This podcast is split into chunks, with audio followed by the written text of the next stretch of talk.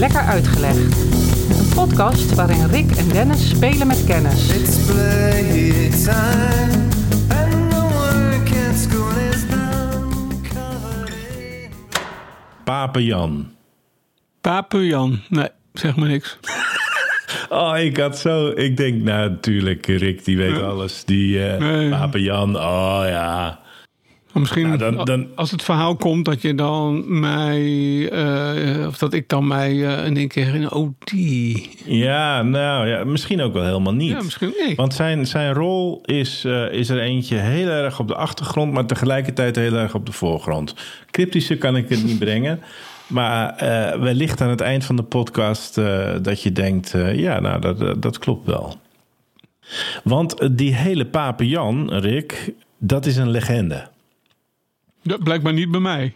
Maar Be- niet bij jou, maar wel in het Europa van ongeveer de 11e tot en met de 15, 16e eeuw. Nou, later eh, heeft hij ook nog wel wat, eh, druppelt het wat na. Maar eh, een kleine 500 jaar houdt Pape Jan Europa in de greep. zo, die heeft lang geleefd. Ja, ja, nou, inderdaad. Nou, met leven is hè? dit geval dus ook niet de kwestie van eh, de fysieke aanwezigheid, maar leven. Dat hij, eh, hij leeft na zijn dood door, blijkbaar voort. Ja, ja, en eh, ik denk toch weer dat het van het geloof afhangt of dat fysiek of geestelijk of wat dan ook is. Maar we gaan kijken wat, welke sporen hij heeft nagelaten in het Europa in de middeleeuwen. Ehm, zijn rol heeft van alles te maken met de kruistochten en het christendom. En daar eh, ga ik met jou eens eventjes induiken. Want in de middeleeuwen werd er namelijk een christelijke koning beschreven. Niet in het Westen, in Europa, maar eentje die vroom en waarachtig was en beschikte over een enorm groot rijk in het verre Oosten. Ja, En bij dat grote, vrome eh, christelijke rijk hoorde ook een reusachtig leger. Dat zijn eigenlijk de basisingrediënten die horen bij Pape Jan. ga door. Ik ben, eh, I'm intrigued. Alright. Pape Jan was al bekend. Men wist van het bestaan van Pape Jan af in Europa, op de Europese hoven. eh, Zo'n beetje halverwege de 12e eeuw. Toen werden er toch, toch al wel eh, duidelijk melding gemaakt van zijn bestaan. Eh, een van de allerbelangrijkste en misschien wel invloedrijkste meldingen van Pape Jan was er eentje van eh, de bisschop Otto eh, von Freising. Die schrijft, hij, Otto is niet alleen bisschop en daarmee staat hij in nauw contact met de paus. En je weet, en luisteraars van de podcast, eh pausen hadden in deze tijd ontzettend veel macht en zeggenschap en hun hand reikte enorm ver. Eh, die Otto was dus eh bisschop, maar daarnaast was hij ook kruisvader. Dus hij heeft een, een leger van kruisvaders geleid.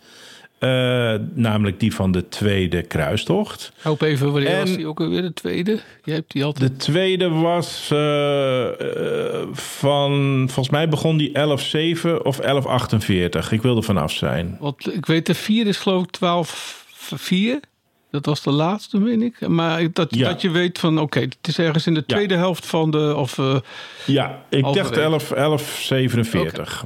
Kan een jaartje later zijn. Hij- eh, daarbij is hij ook historicus, dus hij heeft keurig eh, van alles opgeschreven. En daarom hebben wij, kunnen wij daar natuurlijk vandaag nog een podcast eh, van maken. Hij is dus eigenlijk een vroege redacteur van de Lekker Uitgelegd, uitgelegd podcast. Zo kan je het ook zien. Deze Otto van Vrijsing.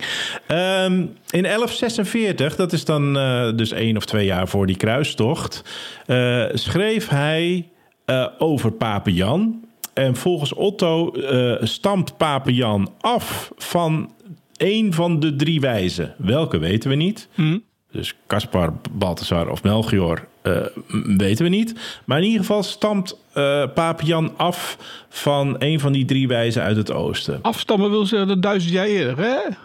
Ja, ja, ja, ja. Dus eh, eh, in de bloedlijn van. Maar dat geeft hem natuurlijk voor het christelijke geloof al een enorme eh, belang. Hè? Dit, we hebben niet te maken met zomaar Nee. Pape Jan eh, van drie huizen, eh, drie hoog achter. Nee, nee, dit is... eh, dit, dit, dit is, dit de serious real stuff. Dit is echt... The real stuff. Ja. Ja. Dus hij stamt af van een van de wijzen uit de oosten, volgens deze Otto. En hij heerst over een eh, groot rijk, een machtig land. En zijn legers zouden die van Medië, Perzië en Assyrië... eh, zeg maar een beetje eh, het Mesopotamië, eh, Irak, Iran, Egypte, die, die regio. Die legers zou die al hebben verslagen ooit. Dus zo sterk is zijn leger. Ehm, het belang was van die Otto, eh, of tenminste, het achterliggende idee was dat hij eh, hoopte dat bij de eh, komende kruistocht er dus hulp zou zijn vanuit het oosten. Want hij opereerde vanuit het oosten, had daar al enkele eh, legers, zware, grotere legers, had hij verslagen. En als zijn idee was van als wij dan vanuit het westen eh, onze kruistocht starten. En dan kunnen wij misschien eh, de, de Turken verslaan met eh, de hulp bijvoorbeeld vanuit het oosten van dat grote leger van Pape Jan. Eh, voor mijn beeld, maar misschien ga je nog vertellen, waar moeten we dan aan denken aan het oosten? Wat voor soort regio? Want hij heeft de Mede en de Perzen, dat is een wet hè, heeft Ja, hij ja, ja. verslagen. Ja, dus dan zitten we in Irak, Iran, Ja. Egypte, Mesopotamië, Ja. die hoek. Maar eh, de vraag die je stelt is heel legitiem, legitiem. Want in die tijd, in die 12e eeuw, is dat oosten nog best wel een vaag begrip. Ja. Indië wordt er ook wel tegen gezegd, maar ook dat, dat woord Indië is enorm vaag begrip. Dus men wist het niet precies. Eh, eh, het begint een beetje vager te worden. eh. Ja, nou ja, het, het, het Oostelijke Rijk. Hè. Je moet ook bedenken dat de grote ontdekkingsreizigers... die zijn natuurlijk vooral op zee de kustlijnen in kaart aan het brengen. Ja. En over land wordt er heel veel gehandeld. Dus er komen wel reizigersverhalen... komen er wel richting het oosten van Europa... Maar let wel, het oosten was nog een begrip... wat omhuld was met allerlei eh, eh, prachtige mythische verhalen, zoals we dat nu weten. Maar in die tijd wist men niet goed wat wel en niet waar was. Er werd heel veel geloofd van dingen waar, waar- waarvan wij nu zeggen van... nou, dan moet je toch wel op je achterhoofd gevallen zijn, wil je daarin geloven. Maar geografisch hè, hebben we het dan nu over dat eh, Mesopotamische gebied, zeg maar. Dus die, die Otto die had het idee van eh, hè, wij vanuit het westen eh, vertrekken met ons kruisvaardersleger richting het oosten. En nou, lo and behold, daar hebben wij Pape Jan met zijn christelijke army. En die zou ons dus hè, een soort van twee fronten oorlog op kunnen leveren tegen de moslims. En daarmee eh, nou, een overwinning kunnen behalen. Eh, dat klinkt natuurlijk voor de paus en zijn omgeving en, en, de koning van eh, Frankrijk en eh, eh, dat was toen Lodewijk de zevende en je hebt de Duitse of was dat de Duitse kant Koenraad de derde ik weet het niet meer maar die, die zorgt er ook voor als Europese vorst dat er een kruisvaardersleger komt. En die gaan binnen 1, 2 jaar dat die Otto van Vrijsing dit schrijft, gaan zij op pad met de tweede kruisvaart. Oké. Ik kan je alvast verklappen, zij kregen geen hulp van eh Pape Jan vanuit het oosten. De twee legers stonden er alleen voor en eh, werden in de pan gehakt. En dat, de- dat werd al gedaan in het huidige Turkije, in Anatolië. En dat werd gedaan door de Seldsjuken. Dus het was een rampzalige eh, onderneming geworden. En helaas, pindakaas, geen enkel teken van Pape Jan. Tot 1165. Oh. Dan duikt hij op. Ik wil, dan vragen, eh, hij, hij, hij is niet dood, hij leeft. Is dat wel het geval? Hij leeft, ja, Oh. ja zeker. Ja, ja, ja. Nee, eigenlijk kan je het een beetje zo zien dat hè, het oprukken van die, die westerse eh kruisvaarderslegers, dat die eigenlijk niet ver genoeg gekomen waren om, eh, eh, eh, om, het, om de slag samen met Pape Jan eh, eh, aan te gaan. Hebben ze hem wel een briefje gestuurd van jongens, eh Pape, Jan, kom, wij komen eraan, doe- je mee? Nee, nee, dat leger kwam dus inderdaad niet. Maar wat er wel kwam was een brief van Pape Jan. Oh, Hij kroop in de pen. ah, En die brief die viel in 1165 op de mat bij de Byzantijnse keizer. Dat was Manuel I. En kopietjes werden al heel ehm, mm, snel eh, gemaakt en die werden verzonden naar de paus. En de Heilige Roomse keizer. En die kregen dus een kopie van de brief aan de Byzantijnse keizer. En wat staat er nou in die brief? Daar schrijft priester Johannes, oftewel Pape Jan, die schrijft over zichzelf als een christelijke koning die heerst over een groot en prachtig christenrijk. Nou, dat wisten we al van die Otto. Ja. En hij wilde graag helpen om de moslims te verslaan en een duit in het zakje te doen bij de kruistochten. Kortom, e- eigenlijk de wens van, van Otto, die werd in de eerste alinea meteen al eh, eh, ingewilligd. Ik ben bereid om eh, voor het christelijke doel jullie te helpen. Verder beschrijft het, die brief het wonderbaarlijke koninkrijk van Paap Jan. Ik ga je daar iets over voorlezen. Luister. De koning schrijft, of die Papian schrijft, dat zijn rijk eh, zich uitstrekt over de drie Indiën. En daar hebben we het alweer. En voor, Europea- voor Europeanen was Indië in die tijd een heel vaag begrip. Dus jouw reactie klopt precies met. eh, je bent misschien wel een, een, een, een reïncarnant eh, van. Ik had het nog niet willen zeggen, maar ik ben een nazaat van. Ja. Pape Jan. Nou, dat zou zomaar kunnen. Ehm, zijn eh, rijk stekte eh, zich uit over de drie Indiën tot de woestijn van het land waar de zon opkomt. zo. Ja, dat is lekker vaag. Dus kan je het aanwijzen op een kaart? Nee. Nou, ten oosten van hier. Meer verder Ja, precies. Juist. En eh, behalve de bekende ingrediënten, namelijk olifanten, kamelen en dromedarissen, leven er in het rijk van Pape Jan vampiers, gehorende mensen, Ja. faunen, satiers, pygmeeën, mensen met hondenkoppen. Die hebben we eerder al gezien, hè? Die mensen met hondenkoppen, die Ja. mythische eh, reuzen, cyclopen en eh, vliegen er vogels zoals de feniks rond. Weet je waar me dit aan doet denken? Nou, Eh, heel veel eh, van de eh, geïllustreerde teksten eh, uit die tijd, en ook al daarvoor en ook nog wel daarna, die zaten vol van eh, aardse, menselijke veronderstellingen. Van eh, los van engelen in de hemel, of de duivel in het ondermaanse, of is het ondermaanse? Ik weet altijd, is het ondermaanse nou waar wij leven, of is dat toch weer ja, onder ons? Nou, goed. Volgens mij is dat eh, waar wij leven. Dat is ondermaans is wat wij leven. Ja. Nou ja, onder het ondermaans, daar zitten dan weer de duivel en al die.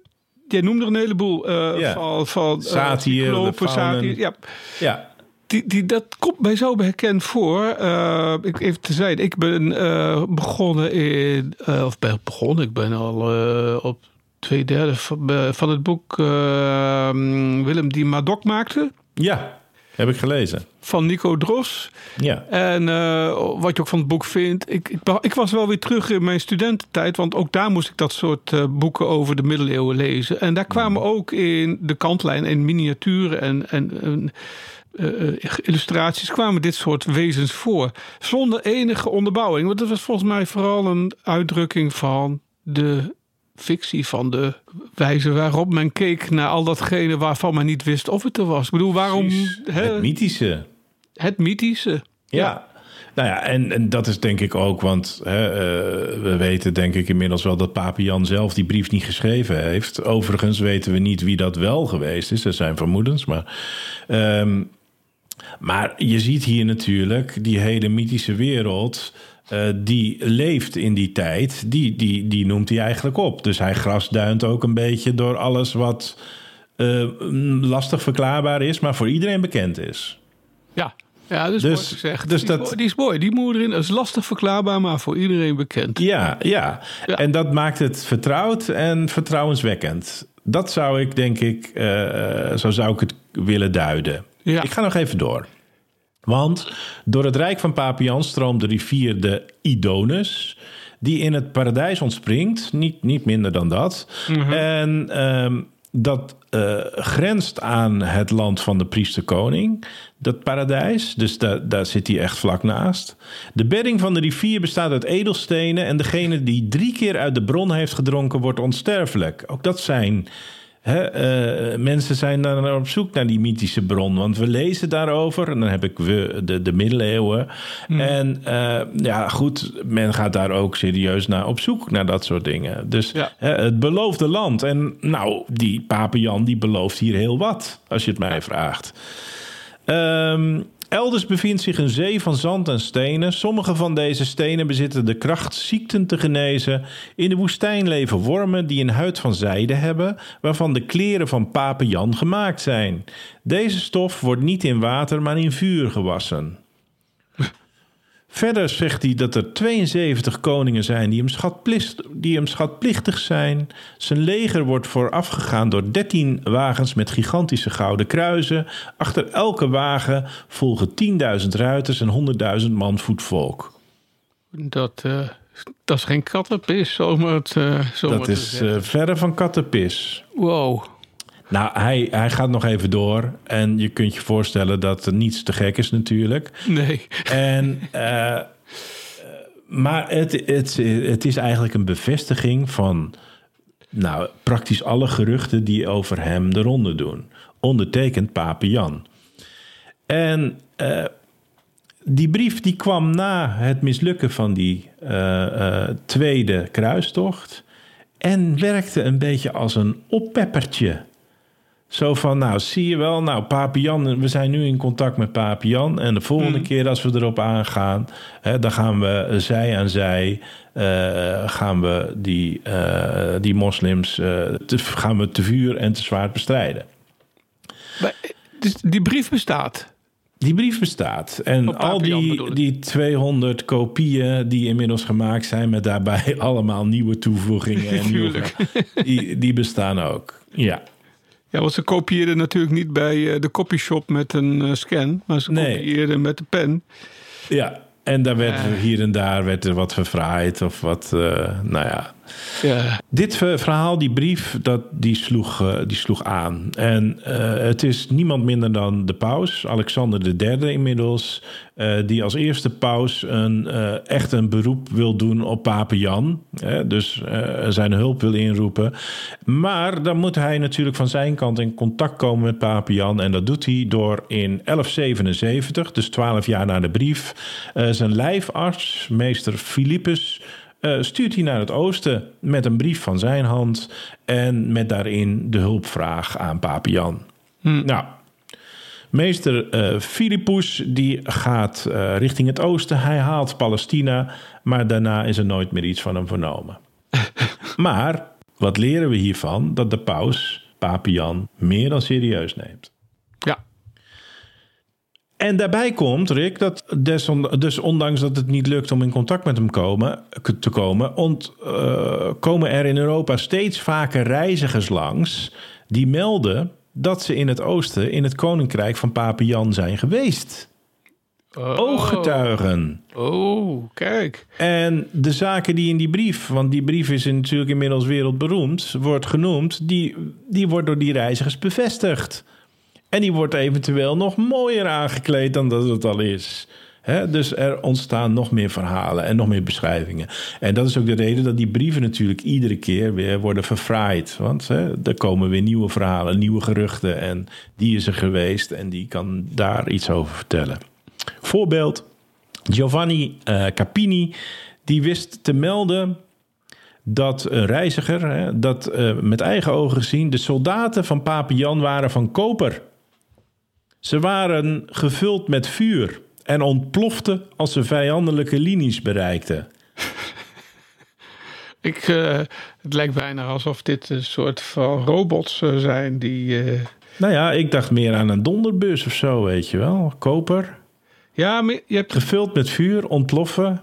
Een buskruid is dan al uitgevonden. Dus is het een mooie vertelling over eh, ja, eh, zo. schieten met buskruid? Ja. Ja. dat maak ik ervan hoor. Nee, meer omdat ze een menselijke vorm hadden, begrijp ik. Of heb ik dat verkeerd begrepen? Ja, ze soldaten van koper. Dus ja, dan. Je moet met de mindset van die tijd naar dat soort woordkeuzes en, en, en omschrijvingen kijken, snap ik ook wel. Dus wij maken het, ik maak het al heel snel realistisch vanuit mijn 21ste eeuw Ja, blik. nee, ja, misschien waren het inderdaad wel.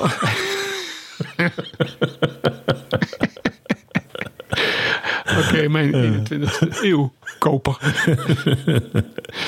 maar dat zou kunnen, dat, eh, wat jij zegt, donderbussen. eh, ja. Ja, nee, dat maak ik. Maar dat, Ja, dat ja. hoeft natuurlijk helemaal niet. Maar daar moest ik aan denken. Dat was mijn associa- associatie. Ehm, nou ja, ondertussen blijven dus ook die, die brief, die kopieën van die brieven eh, uit 1165, die blijven door Europa circuleren. Dus dat verhaal van Pape Jan, dat blijft lekker eh, actueel. Eh, er worden in die brieven langzaam nog reuzenvrouwen op paarden die vijanden verpletteren toegevoegd. Denk Amazones, wat in die tijd natuurlijk ook een mythisch ruitervolk was van vrouwen in het oosten. Dus die werden er ook nog eens even bij gehaald om het verhaal te versterken. Zevenhoornige stieren liepen rond in het rijk van Papian. Kortom, eh, het was een lezenswaardig eh, eh, brief. ja. Nou is het zo met geloof, en dat blijft altijd een interessant onderwerp om over te praten natuurlijk, is als jij reden vindt om ergens in te geloven, dan is iets waar. Toch? Ik zou willen zeggen, per definitie. Per definitie. En er waren wel kernen van de waarheid die men over die brief kon leggen. Het christendom werd inderdaad in het oosten verspreid, eh, bereikte meer mensen. Dus het was niet gek dat het christendom daar misschien eh, op grote schaal voet aan wal. We kunnen dat niet, konden dat toen niet makkelijk controleren, zo ver van huis. Ehm, er waren voldoende veldslagen, denk aan Alexander de Grote, eh, die overeen konden komen met de veldslagen zoals beschreven eh, en werden toegekend aan Pape Jan. Dus ja, weet je, als het bij Alexander de Grote kan, dan kan het bij Pape Jan misschien ook, weet je wel. Ja, die Amazones, die waren er al lang voor Pape Jan in beeld kwam. En ja, dus die kunnen we ook over elkaar leggen. Eh Genghis Khan houdt eh, houdt huis in die tijd. En die verslaat menig moslimleger. Dus ja, misschien kunnen we die overwinningen dan ook weer over het verhaal van Pape Jan leggen. Hoewel het wel lastig is om bij Genghis Khan het christendom eraan te vinden. Maar toch, maar toch. Hè? Maar, dus, dus dat, dat zou eh, je geloof in eh, eh, en het vertrouwen in Pape Jan kunnen versterken. En dat heeft zijn werk ook wel gedaan. Gezien bijvoorbeeld de paus die in zijn aanwezigheid geloofde. Maar de eerste kanttekeningen dienen zich ook aan. En dat zijn ook serieuze kanttekeningen. Want eh, eh, rond 1400 dan hebben we Marco Polo en al zijn ontdekkingsreizigersvrienden... die eh, inmiddels Azië al behoorlijk eh, eh, in kaart gebracht hebben. En die komen ook terug... En die zeggen dat er niets te vinden is over het koninkrijk van. En nergens hebben ze dat gevonden. En er was helemaal in de ogen van de Marco Polo's in die tijd geen eh, aanwijsbaar groot christelijk rijk in wat we nu Azië noemen, in het oosten. En hij zag waarschijnlijk ook geen satirs. Nee, nee. Dus weet je, eh, heel veel uit de brief werd ook al ontkracht. Ja. Het leek wel eh, zoals mensen de Bijbel zien. Hè? Maar eh, die goedgelovigen, die voelden zich natuurlijk een beetje tegen de schenen geschopt door die berichten van die ontdekkingsreizigers. Hè? En als goedgelovige, dan eh, weet je het beter. En je gaat in de aanval ook. Je gaat in de avond, ze laten zich niet uit het veld slaan. Ze hebben, eh, de reizigers hebben het mis. Of wat ze deden, als het toch wel een beetje begint te wringen, dan ga je het verhaal een beetje aanpassen. Ah, ja. Oh, Ja. Ja. ja. En dan komen we weer bij jouw eerste probleem, namelijk waar ligt het oosten? Ja. Waar ligt Azië? En als we dat niet zeker weten, dan is dat een heel rekkelijk begrip. Ja. Dus we krijgen nu opeens een ander verhaal over Pape Jan. Namelijk, Azië, dat kan ook wel eens Abyssinië zijn natuurlijk. En dat ligt in het oosten van Afrika. We hebben het dan over Ethiopië. En in zijn brief heeft hij het toch ook over het paradijs wat grenst... en over zand en rotsen en zo. Dus huppatee. Dat beeld van Afrika, waarom niet? Wow. En ja, Ethiopië, daar hebben we de Rastafari. zeg, het is gewoon... Ik zie Bob Marley gewoon als nazaat van Pape Jan. Ja, natuurlijk, want de Rastafari die komen ook van die koptische missionarissen uit Egypte. Dus die zijn christelijk, in essentie. Speelde hij ook gitaar, Pape Jan? Ja, man.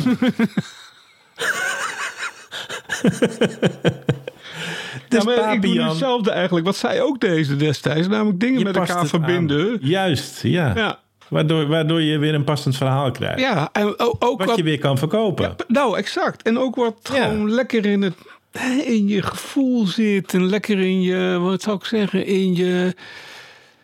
Het is beter een fictief verhaal te hebben dat niet klopt... dan een feitelijk verhaal dat wel klopt. Precies, want, de essentie is dat wij willen dat er een Pape Jan bestaat.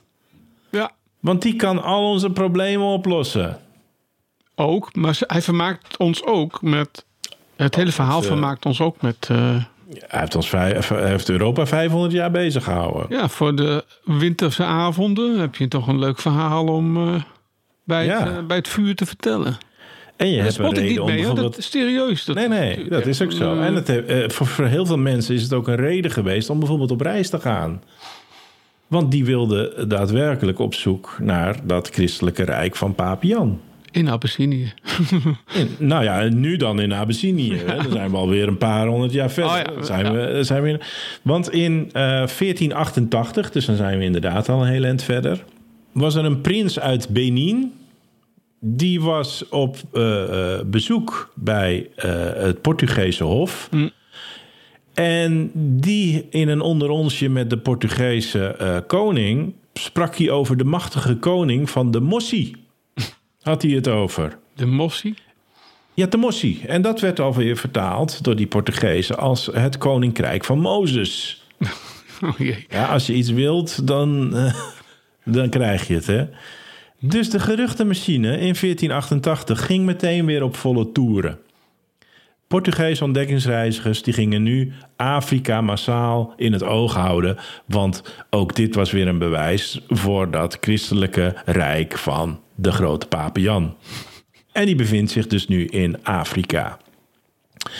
Nou, en sindsdien, en dan eh, gaan we er toch wel een eind aan maken, want dan zijn we wel 500 jaar verder. Maar sindsdien proberen die Portugese ontdekkingsreizigers dus, in opdracht van hun koning, Johan II is dat, om contact te leggen met Pape Jan. Dus ook die denkt nog steeds van, we zijn een paar honderd jaar verder, maar ga Pape Jan zoeken. En dat doen ze. Maar een probleempje erbij, dat vond ik wel heel erg eh, leuk detail. Er zijn namelijk wetten in Ethiopië die voorschrijven dat een vreemdeling die het land bereikt, het land niet meer mag verlaten. en dat is dan heel erg lastig natuurlijk. Je kunt het wel bevestigd krijgen. Je kunt daarheen gaan en weten van... oh, Pape Jan heeft hier inderdaad geleefd. Maar hoe vertel je dat in vredesnaam Ja. nou aan iemand? Dus jij weet hij is er wel of hij is er niet. Maar ja, eh, hoe krijg je dat bij dat Portugese hof? Huh? Schreuders Pape Jan is dit. Scheuders Papian? Ja? Je kent Schreuders kat? Scheudingens kat? Over, Nee. nou, die zit in... Dat is eh, gewoon heel Ik zijstraat. heb hem wel op t-shirts gezien. Ja, precies. Nou, die, die kat. En dat is het idee dat je eh, een kat in een, eh, in een eh, doos stopt. Met daarbij een, eh, een radioactief element. Dat als het vervalt, hè, dat doen radioactieve elementen. die, die, die stralen dan iets uit. Dan gaat de kat dood. Maar je weet nooit wanneer die vervalt.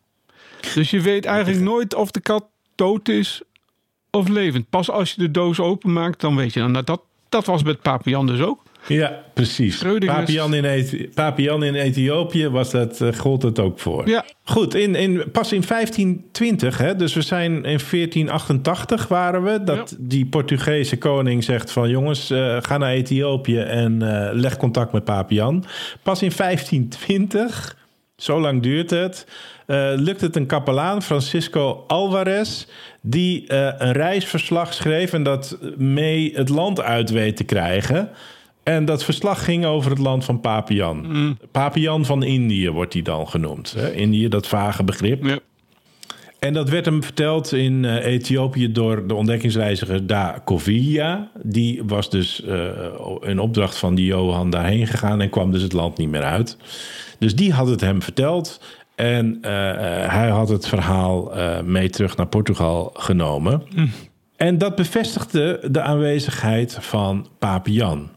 Papian was gevonden. 1520 komt het verhaal bij Portugal. We hebben Papian. Hij zit in Ethiopië. En dat is ook het einde eigenlijk van de legende van Papian. En Rick, op dat moment zie je ook wereldkaarten. Die worden ingekleurd, de landen worden ingetekend, de namen worden bijgezet. En dan verschijnt ook dat koninkrijk van Papian, waar Papian dus op, op de troon wordt getekend in eh, het huidige Ethiopië. Op- Dus hij is dan letterlijk gevonden. Op landkaarten? Ja, op landkaarten. Oké, joh, Ga ja. eens op zoek naar, eh, naar Welke oude landkaarten. Weet je welke? eh, nee, ik weet het niet. Ik ja. zou het wel kunnen opzoeken, want ik ben het wel tegengekomen. Maar ik heb er geen aantekening van gemaakt. Nee, ik, ik, ik, ik heb een bijzonder groot interesse in zeker die landkaarten die door Blauw en eh, Van Deventer en dat soort Nederlands. Maar je hebt ook een heleboel in, eh, eh, in Duitsland. En, en waarschijnlijk was deze dan vanuit Portugal. Portugal. Ja, dat dacht ik. Ja, Grappig. Eh, dat er dan ook zo'n, eh, volgens mij nog steeds fictief persoon. Ja nog steeds. Wat denk jij? Ik denk het ook. En wat denk je wat de E- eh, Ethiopiërs zelf? Rasta Die hadden nog nooit, die Nee. hebben, hebben nog nooit van van Papian gehoord. Nee, Want zelfs tot in 1780 Hm. is er eh, door een historicus die naar eh, eh, de, het oude koninkrijk van Ethiopië vroeg. En dus ook voorlegde dat Papian koning was geweest van Ethiopië. Ethiopiërs wisten van niks. Nog nooit van Papian gehoord. Ja. Het is een compleet Portugese projectie op, op de werkelijkheid. Nou, daarmee is het verhaal van Papian rond. Leuk, leuk verhaal man. Lekker Uitgelegd is een podcast van Dennis Ai en Rick Roeland. Wil je geen uitleg missen? Abonneer je dan op Lekker Uitgelegd. Dat kan op Spotify, iTunes of in je favoriete podcast-app. Laat ook vooral een recensie achter. Dat vinden wij leuk en andere mensen kunnen ons dan sneller vinden. Lekker Uitgelegd is ook prima te volgen op Twitter, Facebook en Instagram. Wil je meer weten over deze aflevering? Kijk dan op lekkeruitgelegd.nl. En wil je reageren? Dat kan. Stuur dan een mailtje naar info@lekkeruitgelegd.nl. Tot over twee weken. Lekker uitgelegd is een klankmedia productie. En de muziek, die is van Kolbak.